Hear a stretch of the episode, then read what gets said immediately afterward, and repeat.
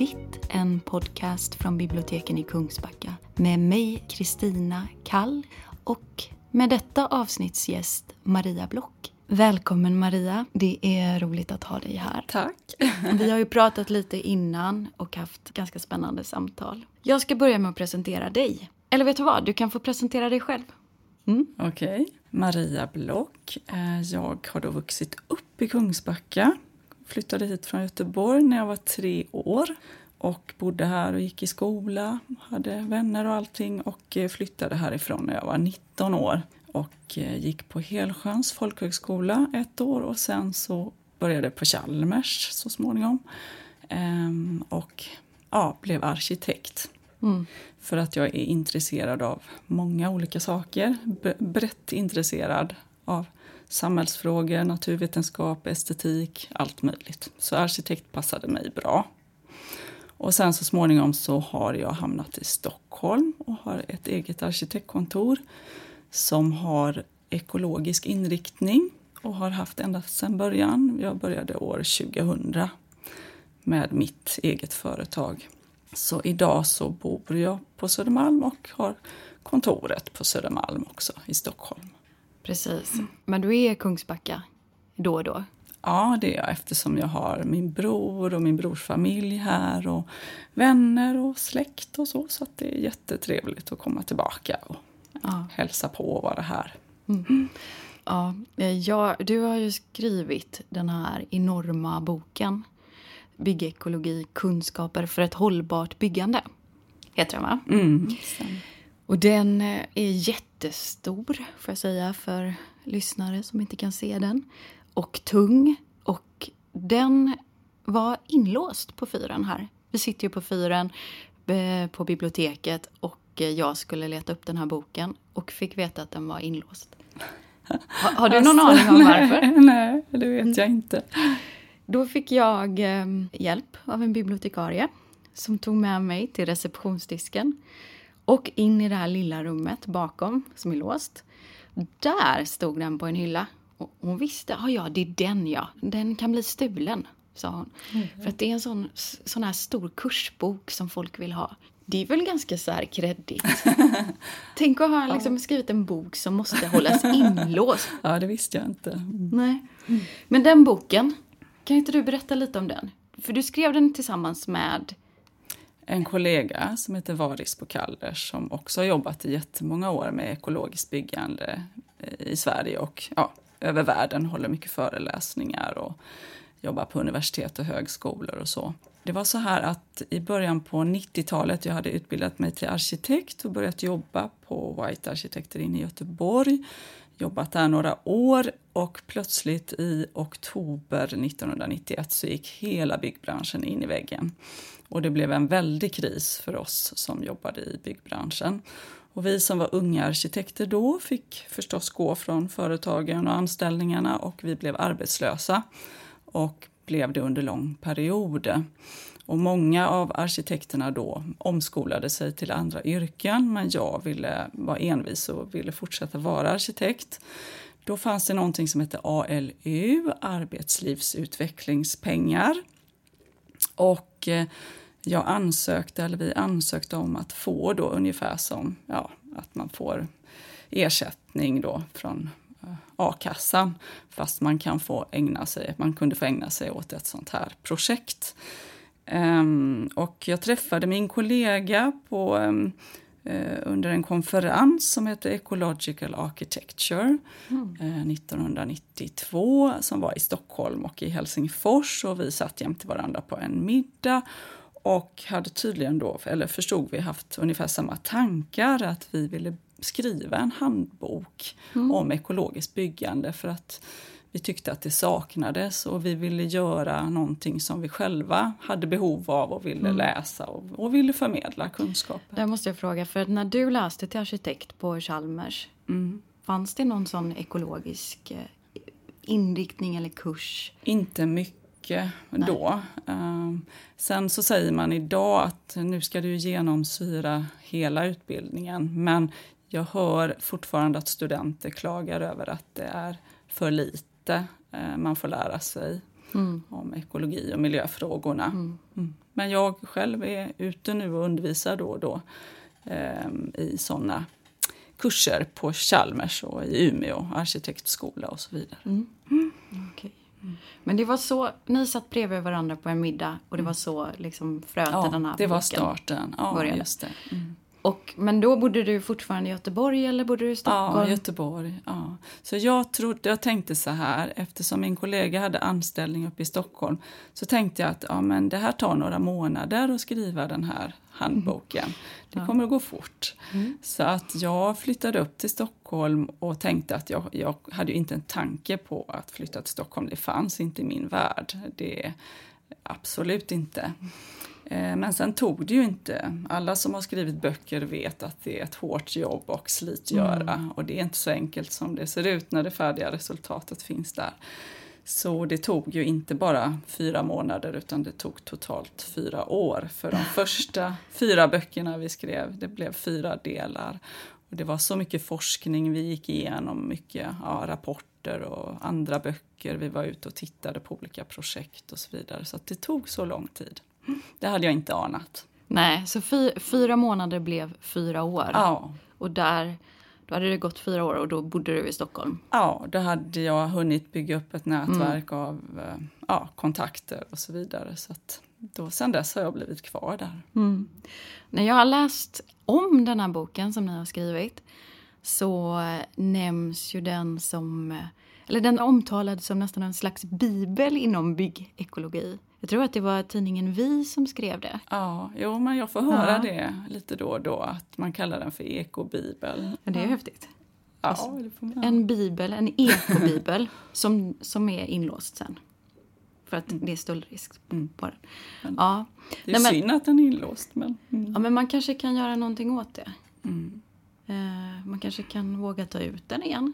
Ja, för nu är den inte senaste utgåvan, för det kom ut den efter den som finns här i Kungsbacka. Precis. Eh, När jag lånade den här boken så eh, tog jag en bild på den och skickade till Maria. Och då fick jag tillbaka ett meddelande om att det, den var från 2009 tror- och att, hon skulle, ja, att du skulle ta med dig den senaste utgåvan som är från 2014 eller? Just det, stämmer. Ja. Så ni har liksom hållit på att uppdatera den här Mm. Ja. under tiden. Men den här bibeln, ekobibeln, den är också översatt till engelska. ja. Och- Lettiska, ryska, kinesiska. Just det. Och jag fick ju titta lite på den här kinesiska Mm. eh, versionen. Den var väldigt fin. Det var roligt att se hur ditt namn såg ut på kinesiska. Ja, det är ungefär... Ja, sen förstår man ju ingenting i boken. Nej. Utan det är bara vackra tecken. Och den tog sju år, sa du va? Ja, För dem att Kina. översätta och så. Mm. Men vem läser den här boken då och var används den? Är det främst i utbildningssyfte? Mm, det är många på högskolorna som har den. Men faktiskt även ja, på kommuner, kommuntjänster, alla som jobbar med byggfrågor.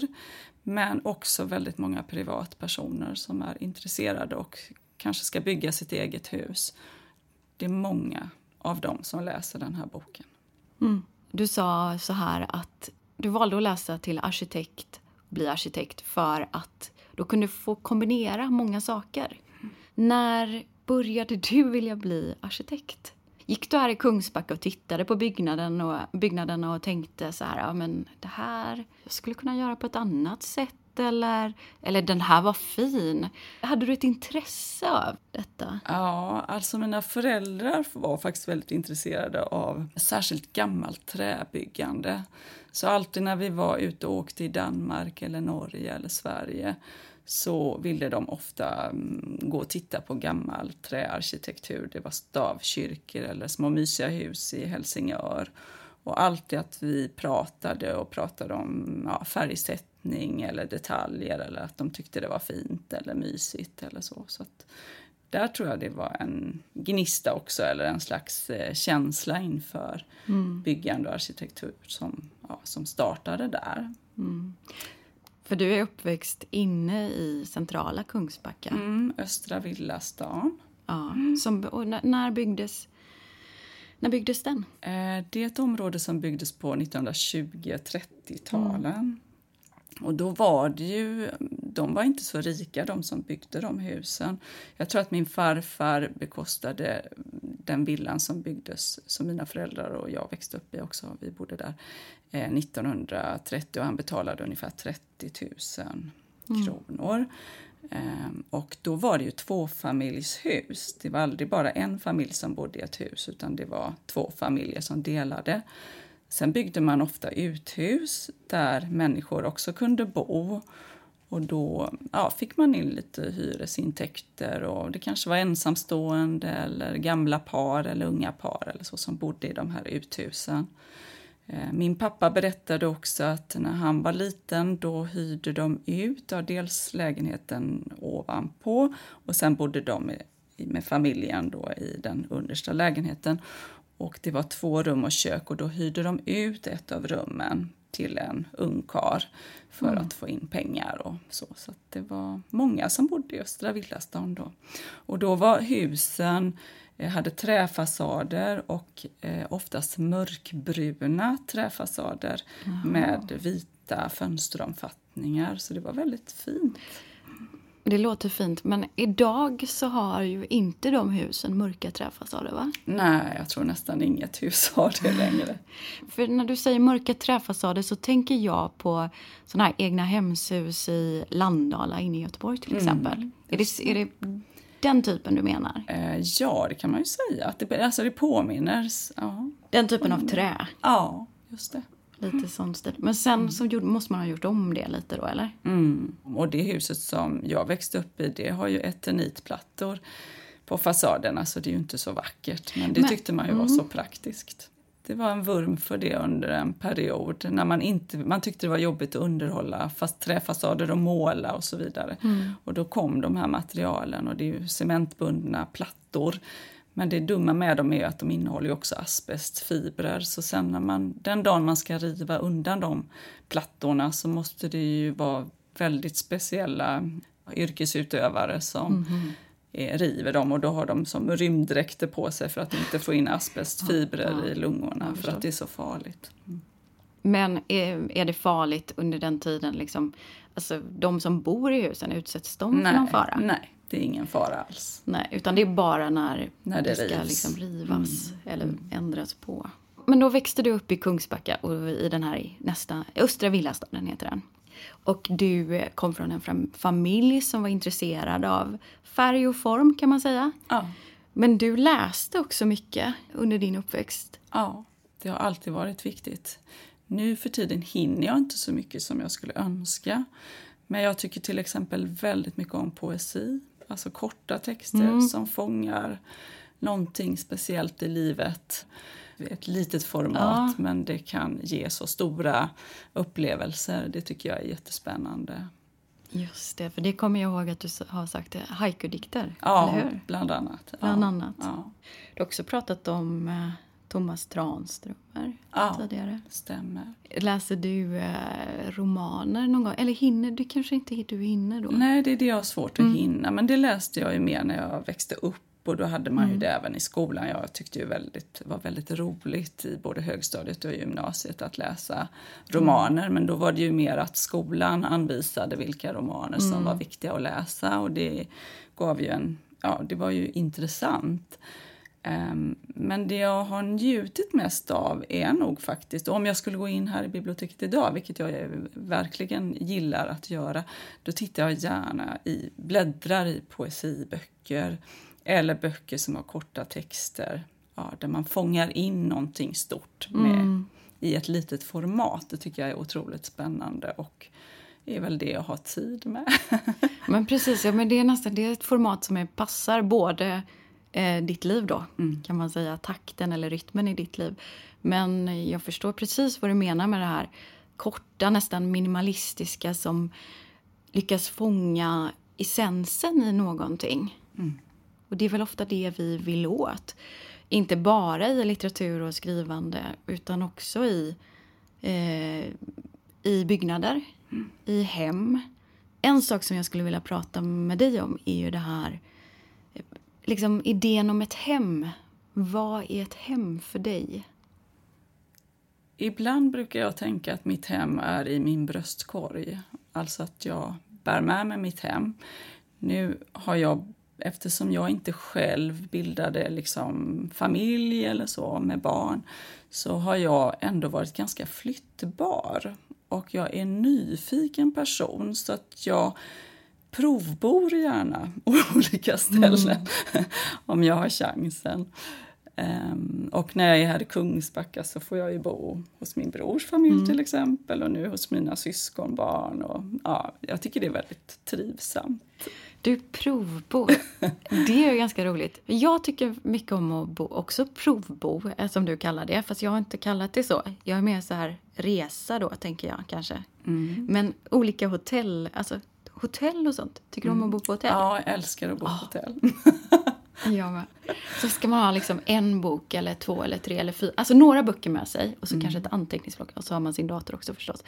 Och så känns det som man bara har, så känns det för mig i alla fall, alltså sin resväska, några böcker på nattduksbordet eller om det finns ett skrivbord där så är det idealt. Det kan vara ett sminkbord också men då får det omvandlas till ett skrivbord. Och så har man liksom allt där. Mm. Inget så här som stör. Nej, just det. Det enklaste enkla. Ja. Och så frigör det så mycket, känner jag, i tankevärlden mm. och även liksom i det själsliga. Mm. Så där är jag nog minimalist också och tycker att det är skönt. Mm. Men är du då, alltså man tänker sig hemma, alltså där du bor i Stockholm nu på Södermalm. Är du minimalist även i inredningen eller i liksom hur mycket saker du har? Alltså jag har ganska, inte jättemånga saker, men jag är väldigt noga med vad jag väljer. För jag, vill, jag flyttade in i min lägenhet 2006 och då tänkte jag så här att jag vill inreda med möbler och saker som skulle hålla över lång tid. Eh, att jag inte skulle bli trött på det, att de inte skulle gå sönder. Jag är sån, jag vill att det ska vara enkelt att städa och hålla ordning. Så det tänkte jag mycket på. Sen anpassar jag nog väldigt mycket min inredning efter hus, själva mm. byggnaden, mm. när det är byggt och vilken stil mm. det har. Um, och ditt hus är byggt? 1938 i funkisstil ah, ja. i mm. Stockholm. Mm. Otroligt vackra fönster, en öppen eldstad eh, fiskbensparkett på golvet i ek. Eh, gammalt kök då från 1938 med mm. trähandtag och självdrag över, självdragskåpa över spisen. Alltså det är otroligt vackert som det är. Mm. Även om det är lite slitet mm. så är det väldigt vackert. Mm. Just det. Mm.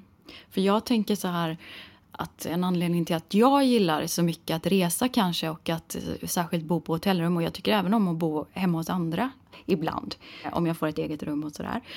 Det är kanske för att jag har väldigt svårt att slänga saker.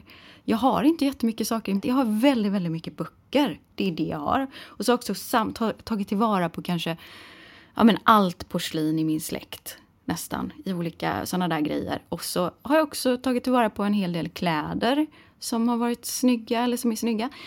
Och jag tänker mig väldigt noga för innan jag köper någonting. Så jag köper ganska sällan saker. Många tycker om att gå på loppis. Tycker du om att gå på loppis? Nej, nu var det så att min pappa var en jättestor samlare så att hela huset blev fyllt med väldigt fina saker. Mm. Mycket bruksföremål och roliga saker mm. och så. Eh, så jag tror att jag fick en liten injektion, motinjektion. Ja. Så jag är lite rädd för att samla på mig för mycket. Ja, men jag förstår. Ja. Men, men nu har min, eh, ett av syskonbarnen mm. börjat att tycka det är kul att gå på mm. loppis. Så att nu, ja. där jag bor, i Göteborg, i Majorna, där är varje år i maj en stor loppis som heter Megaloppis. Det är i och för sig väldigt roligt att gå på gatan då för att det är som en stor festival. Festivaler på det sättet hade jag gärna sett mer av. Liksom att just det här folklivet, att folk är ute och rör sig på gator. Och inte bara går utan faktiskt står och pratar. Allt det där, det gillar jag. Liksom ta en kaffe här och där. Men där skulle man kunna köpa upp halva Göteborg. Mm. Och sen så får man ordna en till loppis för att bli av med de Just där grejerna. Ja. Ja. Däremot tycker jag att det är väldigt inspirerande att titta på Mm. saker. Att de kan vara vackra eller spännande Mm. eller intressanta. Det är en historia. Så på så vis tycker jag det är roligt att gå på loppis. Ja, har du läst eller känner du till Sara Danius eh, bok eh, Den blå tvålen? Tyvärr. Nej. Ska berätta något om den. Mm.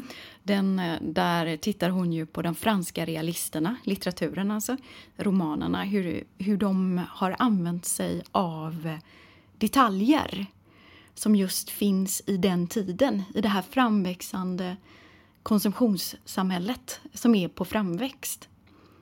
Den- Den här nya borgerligheten, eller borgerlighet var ju nästan nytt då. Den kan jag tipsa om. Mm. Den blå tvålen tror jag den heter. Men det här min- minimalistiska, Maria. Du har ju ritat det är väl fel att säga stuga för det är inte en stuga. Men Mobile Home, kan man säga så?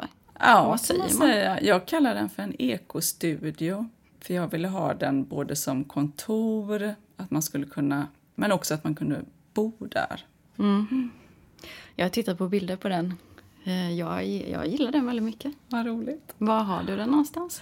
Just nu står den uppe i Skellefteå, Ja. mm, på en byggarbetsplats. Ah. Och fungerar som kontor för bygg, byggarna. Ja. Den är ju väldigt fin. Hur är den, kan du berätta lite om hur den är liksom konstruerad och inredd eller vad det är för träslag och Ja, sådana saker? det. det är då, eftersom jag jobbar ekologiskt vill jag jobba väldigt mycket med förnybara material. I det här fallet trä, så det är en trästomme, det är träfiberisolering. Och jag vill ha en träfasad också som man inte skulle behöva bekymra sig om med målning eller ytbehandling. Så då är det spån, träspån av träslaget asp, ASP. Och man behöver inte måla eller göra någonting utan det blir fint grått eh, för väder och vind. Och det kan sitta där i 40 år utan att man behöver göra någonting. Är asp extra tåligt? Det är ett bra fasadmaterial men det används så sällan i Sverige. Man använder det mer i Norge och Finland. Eh, varför det inte används i Sverige det vet jag inte riktigt men här anses det vara ett skräpvirke. Man, vi använder det till att göra tändstickor av till exempel. Men sen så känner jag en träforskare som specialiserade sig på asp och jag lärde mig jättemycket av henne och tänkte att ja, men det här måste vi införa i de projekten som jag håller på med. Så därför så använder jag asp.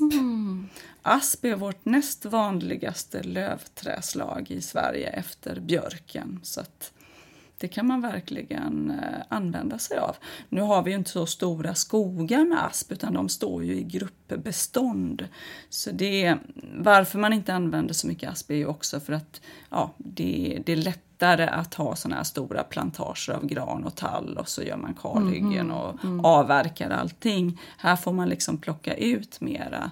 Ehm, Men jag vet sådana som köper upp asp då, av sådana som är ute och avverkar och så ber de de personerna att lägga undan aspen så att man kan nyttja den senare. Då. Så det är ett jättevackert träslag, ganska mjukt i ytan och eh, blir väldigt vackert grått. Just det, och det är, det som, det är alltså på utsidan av den här Ja, eh, stu, ekostugan som du säger, eller? Ekostudion. Studio. Stuga. Studio. Jag har fastnat för det här stuga. Ja. Ja. Ja, och sen invändigt så är det också mycket trä då. Det är verkligen, det är lite jag tänkte som en båt ungefär när jag inredde den. Så att på 20,3 kvadrat så kan man faktiskt, det finns sovplatser för fem personer. Och det är dusch och eh, tvättmaskin och man kan då även är det tillgänglighetsanpassat så du skulle kunna klara dig även om du sitter i ru- rullstol ska man kunna klara sig här.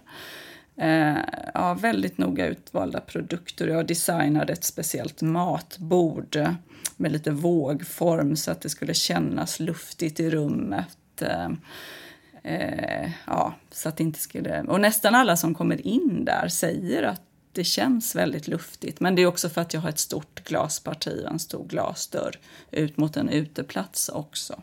Så det släpper in mycket ljus. Just det. det mm. Mm, och så har jag björkplywood på väggar och i tak som är eh, ja, vitlaserade med hårdvaxolja. Så att det, ja, det ger också en känsla av att det inte är så trångt utan att det faktiskt ger en slags rymlig eh, atmosfär inne i studion. Ja, men det där fönstret är ju väldigt viktigt som Mm. du pratade om. Och det påminner väl lite om, eh, alltså de här, vad säger man, mobile homes? Ja, det Ja, kan ja man det, eller jag säger inte det, men jag skriver det när jag googlar. Jag kan ju fastna i att sitta och titta på sådana och drömma mig bort att jag skulle liksom så här, till exempel åka genom USA med något sånt där, ha, ha med mig den här eh, och bo Som en så. snigel. Som en snigel. Ja, ja, precis. Men eh, det är nästan den, du är nästan som den här, jag tycker också om de här modernistiska, typiskt modernistiska byggnader. Och där har man ju stora fönster. Mm, ja, Mycket ljusinsläpp. ja. Och de här små, små studiorna har ju liksom tagit tillvara på det. Mm. Fångat upp det. Men jag tänker på det, det är intressant det du säger, för det är 20 kvadratmeter ungefär. Mm. Och fem personer kan sova där. ja. Och där, är- det är väldigt fiffigt så i båtar och jag gillar verkligen den här kombinationen av skönhet, alltså design och eh, funktion. Och det är lite som så här eh, Kalankas jul. Min älsklings eh, favoritsnutt där är ju den här med husvagnen. ja. För att det är så jäkla fiffigt. Bara Musse trycker på en knapp så blir det så här, ja, blir det en soffa eller så blir det ett matrum och sådär. Eller en säng eller ett badkar. Det är ju så häftigt. Ja. Och lite så är det i en båt till exempel. Den bästa sängen är en hotellsäng som man fäller ut ifrån en vägg. Och när den är uppfälld den sängen så fungerar den som en tavla. Då har jag en stor eh, foto, en fotobild. Så man tänker inte så mycket på att det är en säng som man faktiskt kan fälla ner. Under nedfällbara sängen så finns det en dubbel man kan säga madrass, det är köpt som en bäddsoffa. Så de madrasserna kan man liksom lägga ut. Men det är en väldigt snygg soffa annars med fina mönster. Och sen så har jag faktiskt två bäddpallar ifrån Danmark som man sitter på vid matbordet i vanliga fall. Och på kvällen så bara vippar man upp den här bordsskivan, sätter den in till en vägg och sen lyfter på tygerna på de här bäddpallarna och så drar man ut eh, två sängar. Så då blir det fem platser. Mm. Det är som en båt. Ja, Eller som den här husvagnen. Ja, som Musse och. Kalle har. Men du kan ju berätta lite mer om dina projekt. För du har ju jobbat i minst 20 år med det här. mm. Dels så är jag fascinerad av att du har gjort eh, det här fritidshuset till eh, armbryterskan från ensamheten. Mm. Jag såg den filmen när den kom. Hon den här, eh, vad heter hon? Heidi, Heidi Andersson. Andersson. Precis. Det, det gjordes en dokumentärfilm om henne. Hon är elitidrottare. Var hon världsmästare? Hon är elvafaldig världsmästare i Oh. armbrytning Just det. och gift med skidskytten Björn Ferry. Och du har ritat ett hus åt dem. Ja, därför att de är ju som familj vill bli helt fossilfria till 2025.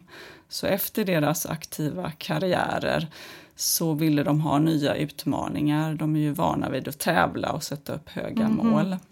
Och det har de gjort. Så de har en Tesla elbil som de kör runt med uppe i norr. Och så försöker de hela tiden att förbättra sitt eget sätt att leva och hur de gör. De cyklar, ja, skaffa såna här lådcyklar och cykla med barn till ja, skolor och så vidare. Och sen hade de en, en tv-serie som heter Storuman Forever nyligen. Där de också försöker introducera det här sättet att tänka och tävla kan man säga med eh, de som bor uppe i Storuman. Så det var r- roligt att se tyckte jag då. Och, eh, ja, de är väldigt målinriktade och eh, vi har varit noga då med vilka material vi väljer och att det ska vara enkelt att sköta, det ska vara driftsnålt. Ja, miljövänligt så långt det bara går. Mm.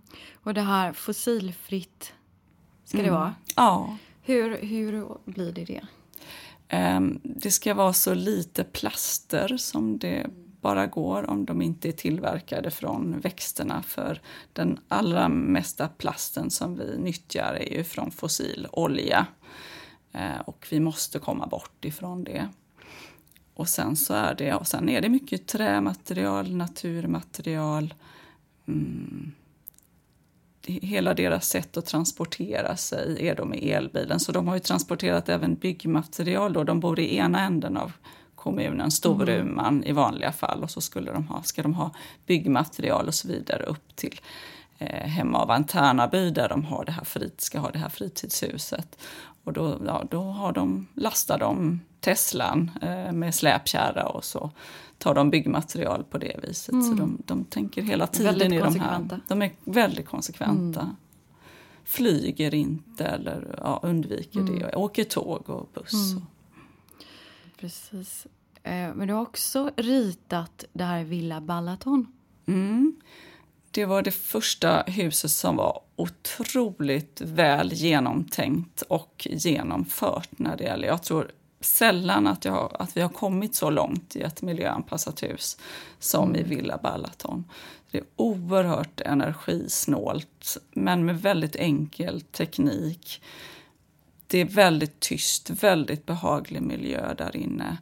Det är bara trämaterial i ja, olika skikt av trämaterial eh, i väggarna och träfiberisolering. Det är sedumtak.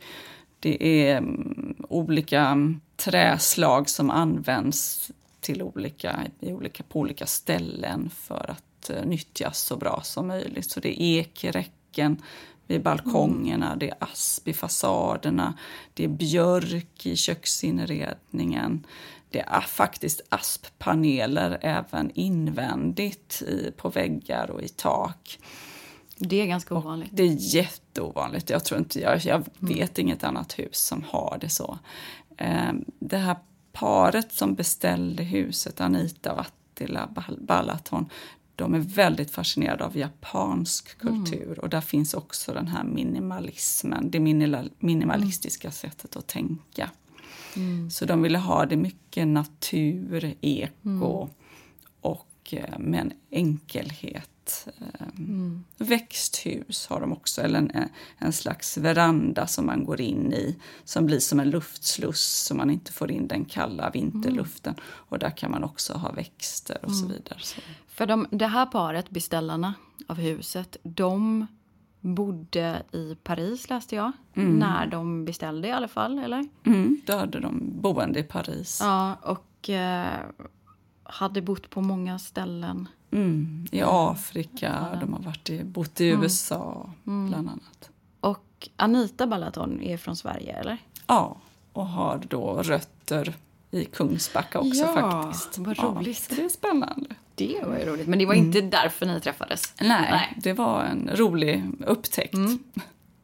Mm, det kom, verkar som att det kommer en del eh, intresse, eh, folk som är intresserade av ekologiskt byggande från Kungsbacka kanske? Ja, det du, verkar så. Du och Anita Ballaton i alla fall. Ja. Men eh, i tidningen Vi så eh, stod det om det här huset. Alltså då nämner man passivt hus och aktivt hus. Det är två mm. begrepp som mm. kommer upp. För den oinsatta, mm. vad innebär ett passivt hus och ett aktivt hus? Mm. Då kan jag förklara att eh, alldeles snart, inom bara ett par år i Sverige, så kommer vi att få nya lagar och regler om att de nya hus som byggs ska vara nära nollenergihus, för vi måste spara på energi. Det brukar förkortas NNE. Och då är det ett koncept som kallas för passivhus som innebär att det är väldigt energisnålt. Men man har också en speciell teknik i de här husen som är en mekanisk till och frånluft med värmeväxling. Det här är mm. kanske uttryck som inte ja, alla är insatta i, men konceptet innebär en, en, en viss teknik kan man mm. säga. Men för att få ett riktigt energisnålt hus så måste man inte använda den tekniken utan jag tycker det är viktigt att säga att eh, det ska vara teknikneutralt. Man ska inte styra in på en viss teknik utan målet med nära nollenergihus kan man, dit kan man komma på olika sätt. Mm. Eh, men passivhus är ett speciellt koncept och man kan certifiera sitt hus som ett passivhus. Det finns föreningar och det finns certifieringar för det. Sen myntades ordet aktivhus av faktiskt norska arkitekter som är intresserade av ekologiskt byggande. De reagerade på just att det inte skulle vara en viss teknik som man skulle använda. Utan, och från början var det faktiskt också så att det inte heller var, liksom, man brydde sig inte om vilka material man använde utan du kunde använda jättemycket plast och ja, olika material som inte var så bra. Man brydde sig inte alls om det. Nu har man börjat bry sig mer om det också med åren. Menar du att i, i det här eh, som kallades för passivt hus, passivhus, mm. så kunde man ha massa plast? Ja, ja, det är ja. inte alls eh, kopplat till materialval. Sen kan man ju göra andra materialval och även liksom få det till ett passivhus. Mm. Men det är inte kopplat ihop med materialval. Mm, okay. Och då ville de här norska arkitekterna att ja, men vi vill göra det ännu bättre och vi vill ha det teknikneutralt. Och då tyckte de att man kunde ha en väldigt enkel teknik eh, och kallade det då för ett aktivhus mm. istället. Men det är lite förvirrande så egentligen tycker jag inte att begreppet aktivhus är så jättebra för det låter som att man måste bli väldigt aktiv själv. Eller man kan, man kan tänka så, att oj oj oj, måste jag vara jätteaktiv ja. i det här huset. Ja. man får inte bo det... här om man, om man är passiv. Nej, precis. Mm. Uh, utan det är inte riktigt så man mm. menar heller. Nej, men det, det är alltid lite problematiskt med de begreppen just aktiv och passiv. Ja. För passiv låter så negativt till ja. exempel och aktiv låter, kan låta, som du säger här då, skrämmande. Mm. Jag läste i en intervju med dig att eh, du lyfte fram hus från 1950-talet som, den, alltså som de mest hållbara husen. Man hade väldigt eh, bra kvalitet på materialen kan man säga eh, fram till 1950-talen. Och då, man byggde väldigt omsorgsfullt. Det finns ofta ganska fina detaljer och så mm. om man tittar på hus från 50-talet. Sen från 1960, 70, 80-talen så kommer det in mycket, ja, men det är mycket plastlister, mm. det är liksom väldigt enkla lösningar för att det ska gå snabbt. Man bryr sig inte så mycket om hur länge det håller. Men jag är ju mån om, jag tänker i allting vi gör i livet att om det finns en omsorg så känner vi av den. Mm. Även om det döljs mm. under ja, lister eller fogar eller mm. lim eller ja, skivmaterial eller vad som helst. Det, det som är dolt, det känner vi mm. ändå av. Mm. Och det handlar om mat, det handlar mm. om allting vi Allt, ja. möter i livet.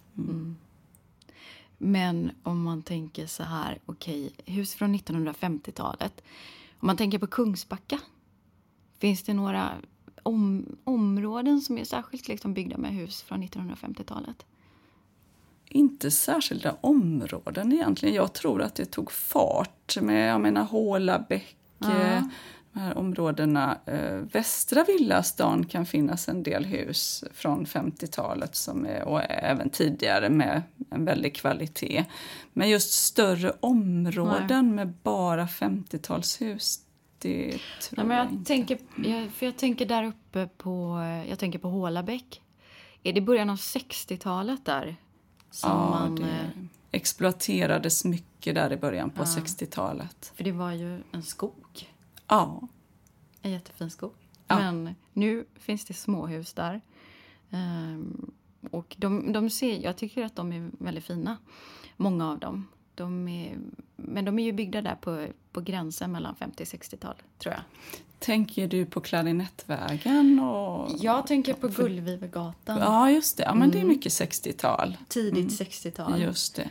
Har du någon slags um, speciell förkärlek för några särskilda typer av hus eller stilar eller epoker? Det är klart man har sina favoriter, men de kan skifta lite ja. också eh, med tiden. Just nu är jag väldigt fascinerad av japanskt byggande, trähusbyggande. Mm. gamla tempel till exempel. Men även deras moderna träarkitektur. Men då är vi inne på minimalism ja. igen. Sen, ja, jag är, alltså det går att hitta fina exempel från alla stilar, men jugendhus kan ju vara jättevackra med sina svängda och böljande former och mycket växtornamentik. Mm. Mycket inspirerat från naturen. Det, det, finns mängder med fina exempel mm. förstås. Mm. Du, du, sa det här med tempel, japansk. Alltså var, varför just tempel? Mm, det är för att det finns bevarat sedan mm. 700-talet. Den mm. tidigaste träarkitekturen som vi känner till i världen är från 600-700-talet som fortfarande är bevarad. Och därför är jag fascinerad av den. Men överhuvudtaget är jag intresserad av andlighet och eh, förhållningssätt till livet. Mm. Och då är det spännande just med Japan, för mig, för tillfället. Mm. Ja, jag tycker också det är väldigt eh, intressant med tempel och eh, vad ska man säga, men det rumsliga, det konkreta uttrycket för andlighet och tro. Till exempel eh, ortodoxa kyrkor. Jag tycker mycket om att gå in i olika, i Grekland till exempel. Där finns ju små kyrkor, eller kapell överallt, som för det mesta är tomma. Men de är öppna hela dagen. Vem som helst kan gå in där och sätta sig en liten stund. Och det har alltid varit någon där under dagen innan jag kommer dit och tänt ett ljus eller två. Det blir som en plats där man får lov att sätta sig ner och ägna några minuter åt det som man faktiskt liksom har med sig eller bär omkring på för tillfället. Jag tror att det är viktigt med en plats som är med avgränsade platser. Vi har förlorat det ganska mm. mycket i eh, det sekulariserade samhället i Sverige. Mm. Det, är, det är verkligen något som jag funderar mycket på också och som jag tycker skulle vara ett sånt värdefullt tillskott om man skulle kunna ordna det på något vis i Sverige. Jag har faktiskt i Borlänge till exempel sett i ett köpcenter hur Svenska kyrkan öppnade ett andligt rum inne i köpcentrat. Mm. Men jag håller med om att i Italien, Grekland, det är så fint när man kan gå från arbetet. Eh, på vägen hem så kan man slinka in i något kapell och tända ett ljus och sitta en stund och kanske bearbeta något som är svårt för en eller som man inte vet vad man ska göra med. Eller, alltså det som vi, som du säger så fint, att vi bär med oss. Eller bara av tacksamhet mm. över livet Precis. eller vad man har för någonting med sig just då. Jag tror att det är viktigt för oss och jag skulle önska att vi hade fler sådana platser mm. eller möjligheter.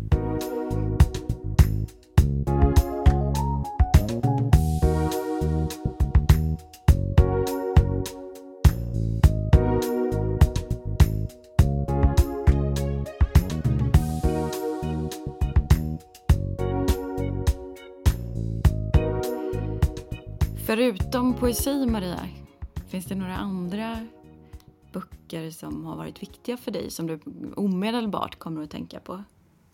Mm. Då är det litteratur som får mig att tänka nytt.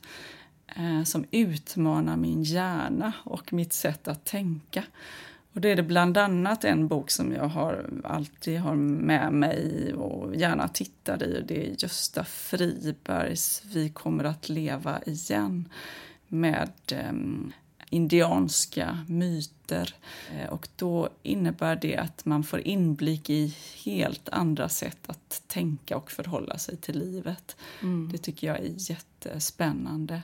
Mm. Ja.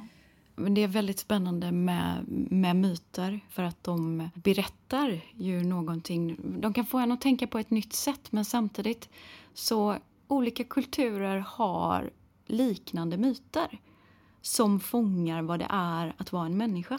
Och därför tycker jag att myter är så viktiga och intressanta. Och man förlorar mycket hjälp på vägen genom livet när man glömmer bort myter och historier och gamla berättelser. Mm. Det fångar ju upp det ologiska i livet, för livet kan vara väldigt ologiskt. Och alla krafter som vi har inom oss att försöka styra upp kraft, livskrafter helt enkelt. Mm. Det är ju också vad man har myter till, att, en hjälp i tillvaron. Ja, ja, men vad det innebär att vara människa. Ja. Och vad det innebär att stå i relation till andra människor. Mm. Vad det innebär att eh, också stå i relation till det som vi brukar kalla för naturen. Vårt förhållningssätt ja, i världen, i universum, som en av alla levande organismer. Eller en bland andra levande organismer.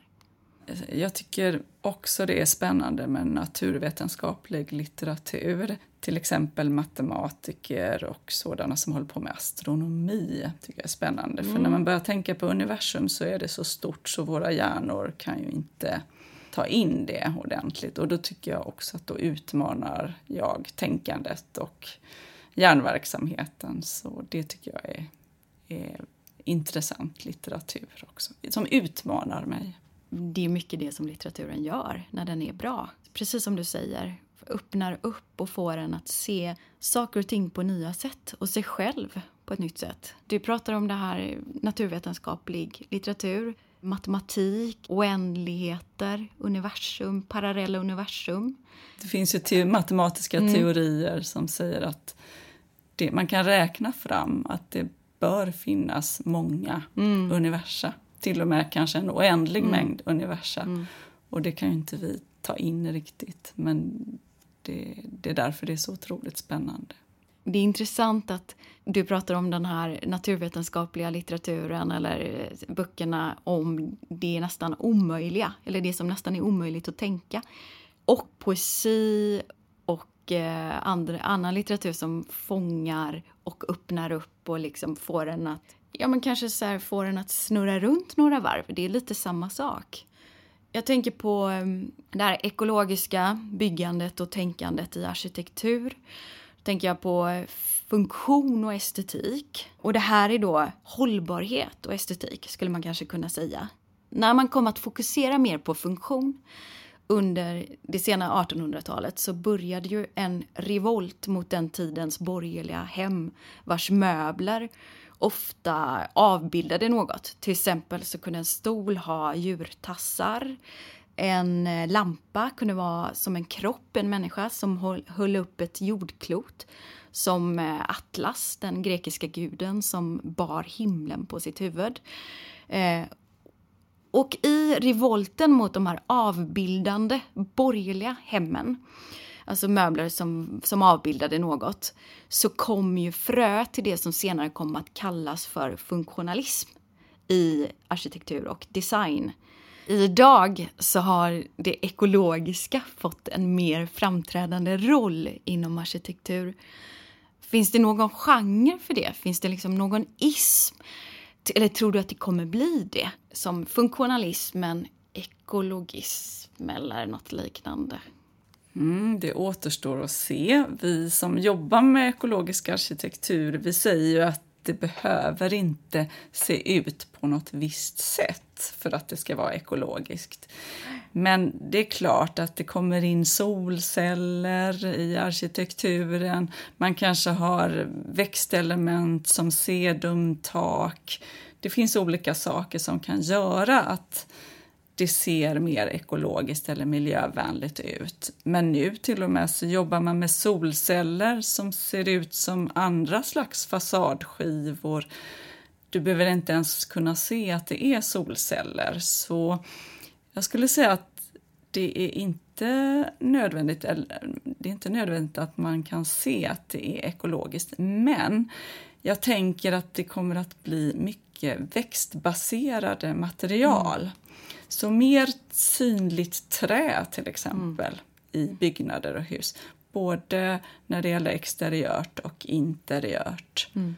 För att du säger att ekologiska hus kan se ut hur som helst, eller byggnader. För det är ju lite det som jag tror att man kommer att tänka på. Lite som så här, du vet, ha fotvänliga skor, bra skor. Måste de vara fula? Det måste de ju inte vara. Nej. Men man kan ju tänka, alltså det finns ju någonting, man måste ibland göra en kompromiss mellan funktion och estetik. Och det kanske kan vara någonting som man undrar över. i det ekologiska byggandet? Eller som folk i allmänhet funderar över? Skulle det kunna vara så? Oj, svår fråga. Mm-hmm. alltså, det är ju det som är det roliga egentligen, att få ihop att få ihop alla delar, alltså tänka holistiskt och lösa många problem medan man bygger hus. Men självklart kan det både vara ekologiskt och vackert. Mm. Eh, det är det jag själv strävar efter mm. hela tiden. Men det är en utmaning förstås att få mm. det, det att gå ihop och mm. Eh, fungera.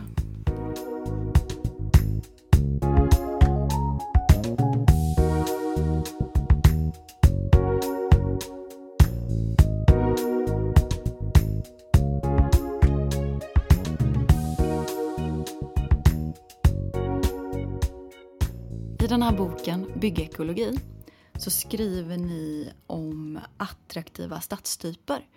Och ni ser två faktorer som utmärkande. Och den ena är småskalighet och den andra är tydliga gränser mellan offentliga och privata ytor. Det finns ju såklart massa mindre lyckade exempel på detta och så finns det mer lyckade exempel på det här.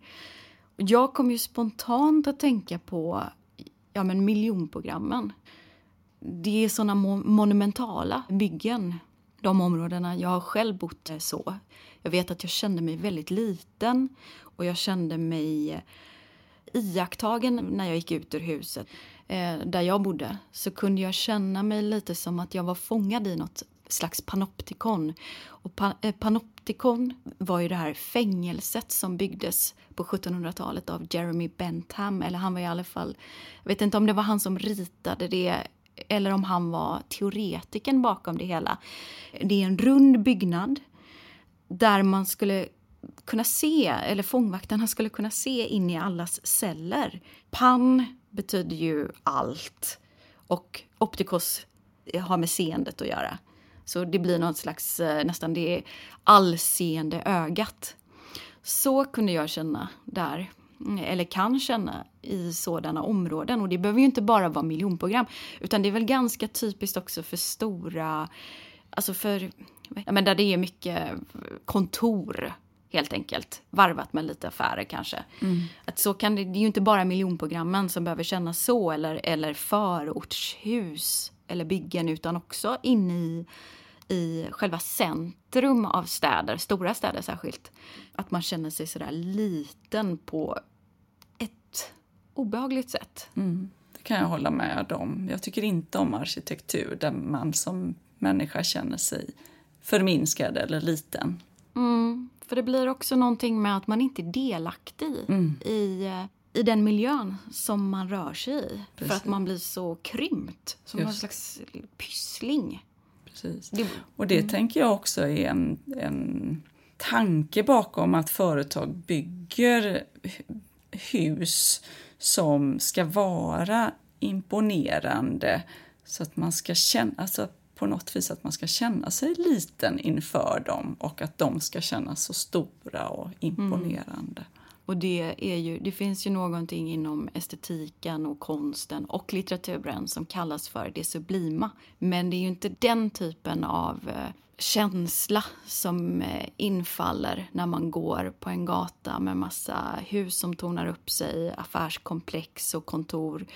Det är inte storslaget på det här sättet så att eh, som det sublima försöker ju, det begreppet försöker ju fånga människans litenhet inför naturen eller i världen. Det finns någon slags ödmjukhet mm. invävt i tankarna bakom det begreppet. Mm, det sublima alltså. Men det är ju inte alls så det fungerar eller man känner när man går omkring i... Om man tänker sig Lindholmen på Hisingen. Om man har problem på Lindholmen, mm, har haft problem med det att man byggde hus eh, alltså med bostadsrätter och hyresrätter i och så blev det så dött, själva området. Nu försöker man ju runt eh, Kvilletorget och där, där man håller på mycket i, på Hisingen, så har man ju tagit med sig den vetskapen och försöker kombinera med mycket affärer, kaféer, restauranger och eh, bostads... Eh, alltså införliva det. Mm. Det är jätteviktigt att ha alltså arbetsplatser, människor som bor, affärer på, mm. inom samma område. Så att det blir en levande, levande stadsdelar under stora delar av dygnet. Mm. Det har ju med trygghet att göra också. Mm. Ja, precis. Och det är rumsdimensioner som ni skriver om. Där, där nämner ni Kevin Lynch som i site planning menar att eh, storleken bör vara ungefär 25 meter på ett stadsrum för att det ska upplevas som behagligt och att stadsrum på över 110 meter inte verkar fungera. Och i medeltida städer så ligger de i längd och bredd mellan 25 och 110 meter, nämner ni i er mm. bok. Mm.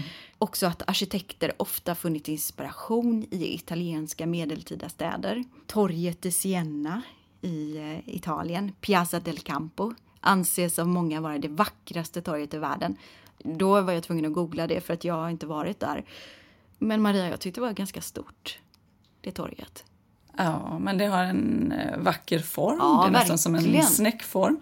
Sen är den lite lutande också så att människor kan stå eh, på kanten av torget och luta sig mot eh, någon slags stoder som, eh, och, sen, och vila där och sen beskåda andra människor mm. som går på torget och rör sig. Alltså människor är ju människors gammal, vi tycker om, eller som man sa på mm. vikingatiden, man tycker om att se andra mm. människor och vad de gör och förhållas, vi förhåller oss till varandra, vi tittar på varandra och i Italien man planerar ju väldigt mm. ofta med sina familjer mm. när man är ledig och köper en glass. Och, ja och eh, titta på varandra. Och just ja. de här måtten som du ja. nämner, det har ju med vårt sätt att uppfatta andra människor. Blir det väldigt långa ja. avstånd så kan vi inte avläsa en människas reaktioner Nej. eller sinnestillstånd. Och inom 25 meters avstånd så brukar man säga att då har man möjligheten att bli kär, att mm. bli förälskad. Mm. För då har du den, du kan se mm. den människans ansiktsuttryck. Precis, så, så det har verkligen med trygghet och överlevnad att göra. Ja. Att man kan läsa av den som kommer gående mot ens ansiktsuttryck och ja. intentionerna bakom detta. Ja. Jag tror att det här som du nämner med att flanera och människor tycker om att titta på andra människor, så är det ju. Och jag älskar verkligen att göra det. Men det här, de här eh, områdena som jag pratade om tidigare, eh, där det är väldigt stora huskomplex, panoptikon, när man är nere på marken så har man inte möjlighet att titta på andra människor. Utan hela idén med panoptikon är ju att man blir sedd.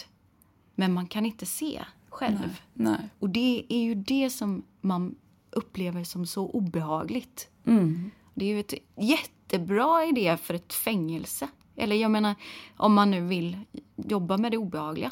Mm. Nu kan man ju säga också att jag känner många personer som har vuxit upp i miljonprogramsområden och som trivs utmärkt, som älskar mm. sina stadsdelar. Jag vet det också. Så det, men då vänjer mm. man ju sig från mm. det att man är liten. När man är liten har man ju ingenting annat att förhålla sig till. Mm. Och då är det det som är normalt. Mm. Och, men då tror jag också att när man är liten och växer upp så, då har man ju som barn så ha, känner man ju andra barn i området. Ja, då har man, man, relationer. Man har relationer och då spelar kanske inte arkitekturen så väldigt stor roll. För Människor är alltid viktigare. Precis.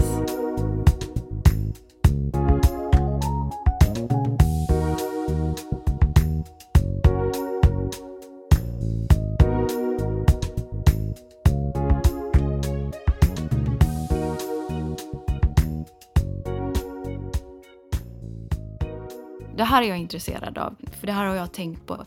Du då som arkitekt, vad tycker du om Kungsbacka stad? ur en arkitektur och byggnadssynpunkt? Mm, jag är väldigt förtjust. Nu växte jag upp i Kungsbacka. Jag är väldigt förtjust i den här gamla träarkitekturen. Och inne i stan så var det väldigt typiskt att kring torget och där gator möttes så hade man torn i hörnen. Det. det. var typiskt för Kungsbacka. Så jag hoppas att man på något vis kanske låter sig inspireras av det även fortsättningsvis. Sen utanför innerstan, och jag vet också att man har problem med att få innerstan riktigt levande. Så när jag gick på Chalmers så hade vi till och med övnings Eh, projekt eller projekt där vi höll på man skulle försöka länka samman Kungsmässanområdet och innerstan. Kanske med en saluhall mittemellan i botten på Hotell Halland-byggnaden eller på något annat sätt då, så att man får ett flöde av människor att innerstan och butikerna där ska kunna klara sig bättre. Det tror jag är någonting som man håller mm. på fortsättningsvis att jobba mm. med också. Jag hoppas framöver att det blir även riktiga alltså, trähus eh, när det gäller flerbostadshus mm. också som jag anser vara det mest ekologiska materialet mm. att bygga. Både stommar och isolering mm. och gärna fasadmaterial av det också. Att man ja, ändå gärna försöker att hålla kvar någonting av småstadskaraktären ja. som Kungsbacka faktiskt har i sitt ursprung. Mm. Vi pratade om det här italienska torget och eh, förebilden som ofta har varit medeltida italienska torg eller medel, varit medeltida torg. Hur stort tror du Kungsbacka torg är? Om det ideala är mellan 25 och 110 och 25 meter sa du, då kan man bli mm. kär. Mm. Kan man bli kär på Kungsbacka torg? eller är det för stort? Det kan man säkert om man är ute och går där.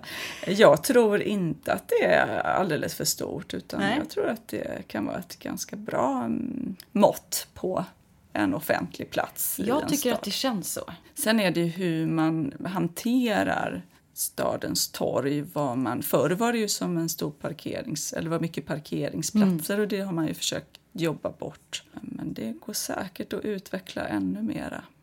Mm. Om vi pratar om vad ett hem är så vet du eller kan du märka några markanta förändringar i idéer om hem eh, genom tiderna i Sverige? Kanske är en svår fråga, det är en stor fråga. Mm, det är en stor mm. fråga. Men jag tänker att ett hem är ju en plats där man ska kunna rekreera sig, eh, vila, återhämta kraft, umgås, leva ut sidor som man inte kan göra utanför sitt hem. Det ska ju vara en väldigt trygg plats. Mm. Jag minns när jag växte upp att jag tyckte det var väldigt konstigt att människor då, som jag var, jag var och lekte med andra barn och när vi gick in i deras hem så hade de stängt av vardagsrummet mm, som skulle vara ett finrum som man inte fick vistas i. För där skulle vara bara fint. Det tyckte jag var jättekonstigt. Och det var, mina föräldrar tyckte alltid att vi skulle få vara överallt och få leva ut. Och det tyckte jag själv mycket om som barn. Och det här med att man lekte i små vrår och prång och sådär var väldigt spännande. Mm. Men det har ju gått från det här liksom hemmet där hemmafrun pysslade och sysslade och inredde till att vi har väldigt modernistiska hem, väldigt sparsmakat. Det finns inte mycket prylar när man ska avbilda dem i alla fall. Nej, när man ska avbilda dem. Just det. Men annars är ju alltid livet innebär ju att man får prylar och saker mm. runt omkring sig det är ju, ingår ju i livsbilden. Ja, alltså, och så får man plocka undan, det är ju så. När mäklaren kommer och när de ska fotografera bostadsrätten ja, eller ja. huset för då ser de ju nästan identiska ut. Alla ja, bostadsrätter i Göteborg i alla fall. Precis. Samma lilla soffbord och samma tavla och samma växt. Ja, just det. Men det är väldigt trendkänsligt. Vi lever ungefär som när man har olika trender i kläder, bara mm. det att det går fortare med kläder. Så mm. har vi ju trender även i in, interiörer med ja, färgval och mm. ja, hur, hur vi, vad vi målar på väggarna som Kungsbacka bibliotek. Vi pratade om det, att mm. här var det, är det svampmålade väggar. Mm. Och det gör man ju nästan inte idag. Nej. Men det var en period, 80-90-tal, ja. då hade man jättemycket svampade ja. väggar. Även operan i Göteborg, Göteborgsoperan, är inte svampmålad så. Men de, den, den har samma typ av färger. Mm. Färgsättning som fyren som vi sitter på Mm. eh, nu och pratar har. Det är de här... Eh, jag tänker ju på Rudolf Steiner, antroposofen och filosofen som eh, var han verksam i Järna eller man tog upp hans idéer i Järna söder om Stockholm. Tog upp hans idéer. Man tog upp hans idéer i Järna. Där är ju samma typ av färgskala. Har du varit där någon gång? Jag har varit där flera gånger. Alltså det är kulörer ja, man jobbar med. Man kulörer. jobbar inte med svart och inte med Nej, vitt. men, det, men Så- det är lite samma kulörer. Det är ju, alltså Kulturhuset i Järna Ja, just det. har lite samma kulörer som eh, fyren. Ja, det kan man säga. Mm. Lite jo, jordpigmentfärger och sen även lite andra då, blåa toner och så också. Men mycket det här med ockra och den här röd, röd, djupt röda färgen eh, som man jobbar, har jobbat med här också. Och även färgsättning, vad som är trendigt i färgsättning och inne under en tid är ju förstås sammanbundet med värderingar och ideal. Jag undrar hur äldreboenden påverkar människor. Att avslu- avsluta sina liv i en helt ny miljö. En ofta standardiserad och enformig miljö. Eh, Jag kommer automatiskt själv till att tänka på ja, men de sagoböcker när jag, som jag läste när jag var liten och det fattighus beskrevs. Vad gör man idag med, med äldreboenden? Finns det folk som jobbar med det? För det är klart att det finns. Men, eh, nej, men det måste betyda någonting för en människa att, eh, alltså, ap, apropå vad ett hem är, att bli förflyttad den sista tiden i sitt liv till en helt okänd plats. Där allt ser nästan likadant ut, för det gör ofta det. Och det är ju ganska unikt, eller har i alla fall varit för Skandinavien. I Sydeuropa har man ju tagit hand om sina, de äldre personerna, eller sina gamla. De har haft en viktigare roll inom familjerna. Sen så är det förstås så att det, har varit kvinnor som ofta har tagit hand om de äldre i familjerna. Varit tvungna att vara hemma för det. Så det är på gott och ont. Men man kan ju verkligen säga i alla fall att eh, men jag, tycker, jag tycker ju inte att det är upplyftande att eh, gå in genom entrédörrarna på ett äldreboende för, den, för eh, mesta gångerna som jag har besökt sådana ställen. Jag har också jobbat på äldreboenden tidigare. Att ha ett hem och känna att det är ett hem är en stor del av oss. Och jag läste i er bok att ni beskriver hemmet som eh, nästan en slags tredje hud. Först kommer huden, sen kommer kläderna och sen kommer hemmet, eller huset. Och skulle man kunna tänka sig då så skulle min byggnad, den tredje huden, vara ett standardiserat äldreboende. Och det behöver inte egentligen bara vara äldreboende utan det, det är liksom samma sak i institution, institutionsbyggnader. Där folk bor, alltså boenden. Det är en svårighet just att det måste fungera, alltså funktionerna i vårdinrättningar eh, måste fungera, brandutrymningar, det finns krav på så många saker som, ja, som kan vara svåra att, att känna till när man besöker sjukhus eller äldreboenden. Och så där. Det måste finnas plats och ytor att svänga runt och kunna hämta och lämna personer och så vidare och ta hand om dem. Sen tror jag också att man reagerar på lukter, att det luktar mediciner och att det instinktivt också gör att vi tycker att det kan vara lite obehagligt. Men också, också som jag säger, de här lite stora måtten som krävs, till exempel om man går in på en toalett i ett äldreboende. De är ju jättestora de rummen. Det, det kan vara svårt att få det trivsamt.